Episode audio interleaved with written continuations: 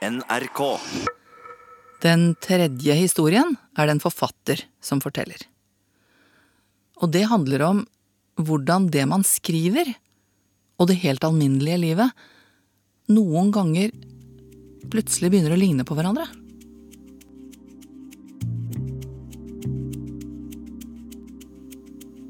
Men først så vil jeg ta dere med inn på Facebook. Jeg skriver navnet her. Eline Linjem. Og da står det tidligere journalist for NRK. Eline og jeg var kolleger og venner. Vi hadde kjent hverandre i over 25 år. Men for to år siden så døde hun. Siden hennes er gjort om til en minneside, oppdager jeg nå. Øverst på siden så står det Vi håper de som har stått Eline nær, finner trøst i å kunne besøke profilen hennes for å minnes og hedre livet hennes. Eline døde sommeren 2016. Og jeg ser her at det er en person som har skrevet på siden hennes eh, 13. november 2017. Det er altså over et år etter at hun døde. Og den datoen, det er bare noen dager etter Elines bursdag. Det står Kjære Eline, gratulerer med dagen som var. Den gikk forbi meg denne gangen, men du er i tankene mine hver dag, og det gir meg så mye. To hjerter. Og så scroller jeg litt ned på siden. Da ser jeg et bilde som jeg tok av henne med en rosa lue på, som hun hadde kjøpt da hun mistet håret av cellegift. Hun smiler. Det er fint å være her inne, på minnesiden hennes. Jeg skriver ingenting, jeg etterlater meg ingen spor, men jeg bare er her inne litt. Som å stå ved en gravstein, bare at jeg er hjemme hos meg selv.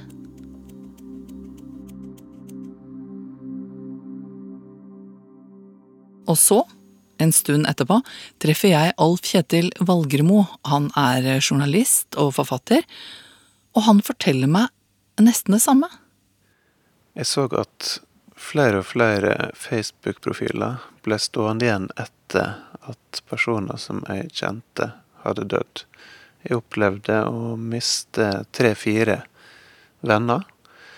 Og av de så var flere Facebook-profiler eh, fortsatt i aktivitet ett og to år etterpå.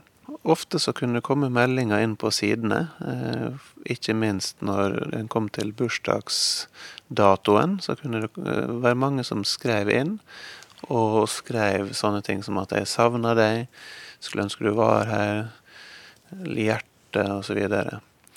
Og da slo det meg at dette er et nytt fenomen. At det finnes mange slike profiler til avdøde mennesker som på sett og vis er i digital aktivitet. Det blir på en måte en slags forlengelse, digital forlengelse av livet. Og det å legge ned en sånn Facebook-profil blir på en måte en, en siste overgangsrite. Etter gravferda som jo til alle tider har vært den siste overgangsrita. Så da hadde jeg lyst til å skrive ei bok om det her. En roman. Og det ble til romanen 'Kjære søster'. Ja, rett og slett. Alf Kjetil fikk en idé. Han ville skrive en roman hvor den ene søsteren skriver til den andre, som er død. Og der er det Elianne som er 16 og et halvt år, som skriver inn på sida til den avdøde søstera si, Amalie. Når jeg scroller nedover tidslinja di, tror jeg nesten at du lever. Det er så mange som har skrevet til deg. Som har lagt ut bilde, minneord og dikt. Nesten alle vennene dine skrev på veggen din etter at du døde. Jeg sjekker han hver dag for å se om det har skjedd noe nytt. Mange har skrevet at de savner smilet ditt. At du er den beste. At du setter spor. Men nå går det flere dager mellom hver gang det skjer noe. Det jeg skriver til deg, er det bare du som kan lese. Jeg har vært inne på kontoen din og endra innstillingene. Hvis en leser boka nøye, så forstår en at hun har dødd i ei trafikkulykke. Ingen i klassen min spør hvorfor jeg slutta på talentprogrammet. De veit at du er død. At jeg ikke orka å pendle til Trondheim. De veit at jeg ikke klarte det. Jeg orker ikke å være sosial i friminutta. Når jeg smiler, merker jeg at det blir falskt.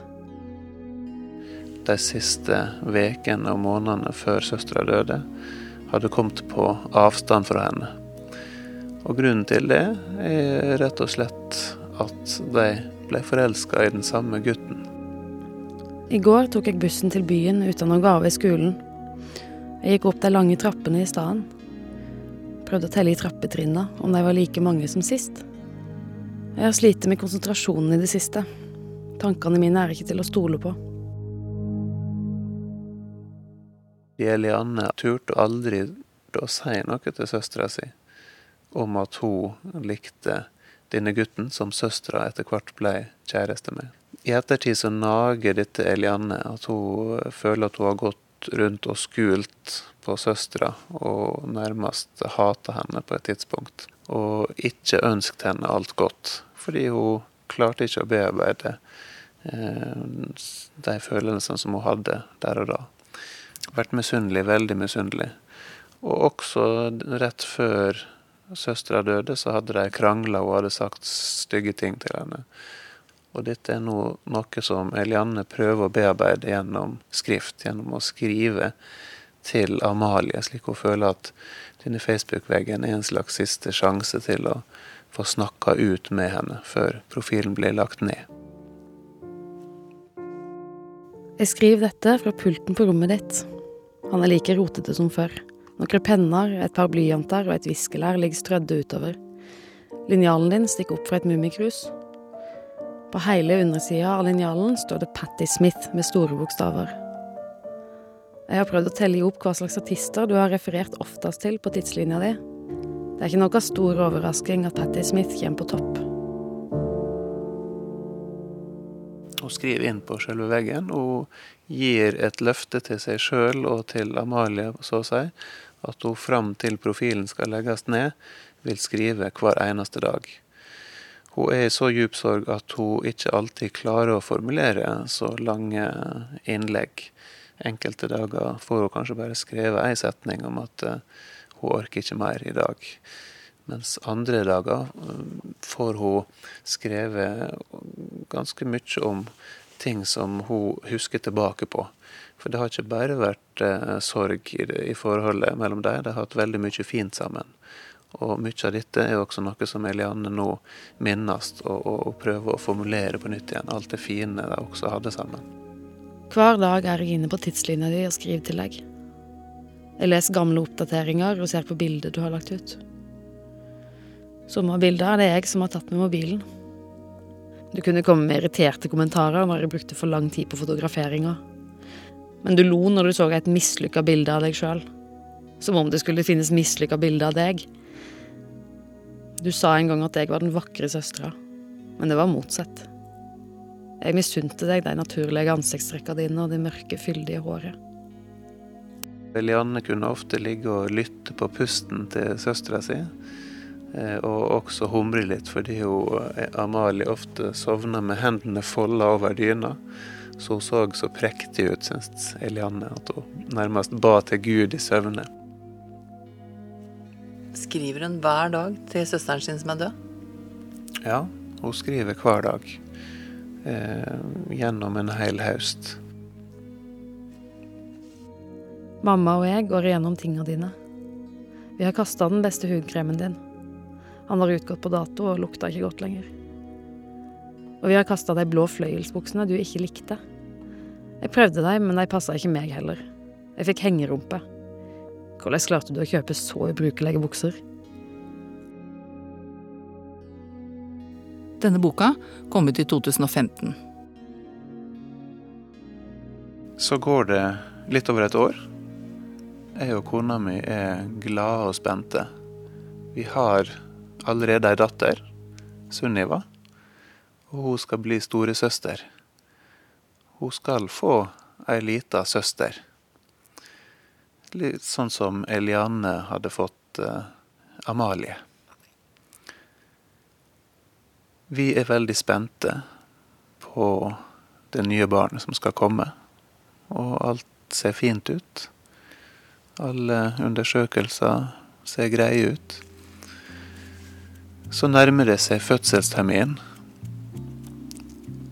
og en kveld så blir kona mi urolig. Hun kjenner ikke sparking i magen. Og vi tenker dette er sikkert ikke noe skummelt, dette er sikkert en naturlig forklaring på. Men vi vil dra inn og sjekke det umiddelbart eh, på Ullevål.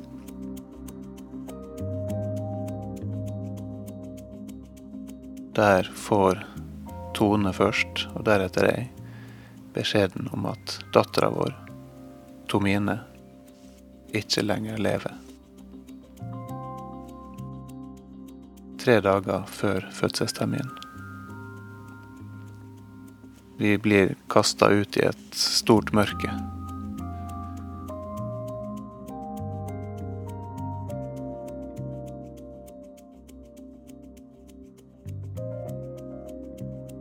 Det er umulig å egentlig forklare ordentlig hvordan den situasjonen var. Akkurat idet livet skal ut i dagslyset, så er det slutt. Og litt i etterkant så drar vi også på ei sorggruppe.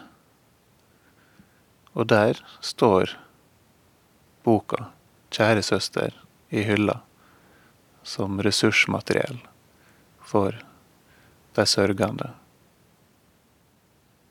Det var rart.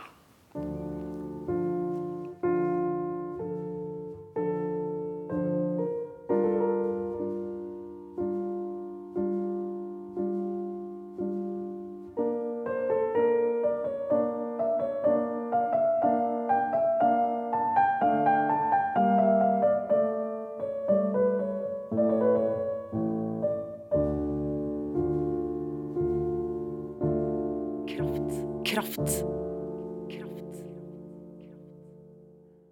Jeg heter eh, Kirsti Kraft. Hvis du vil skrive til Kraftredaksjonen, så er adressen kraft. Krøllalfa. nrk.no.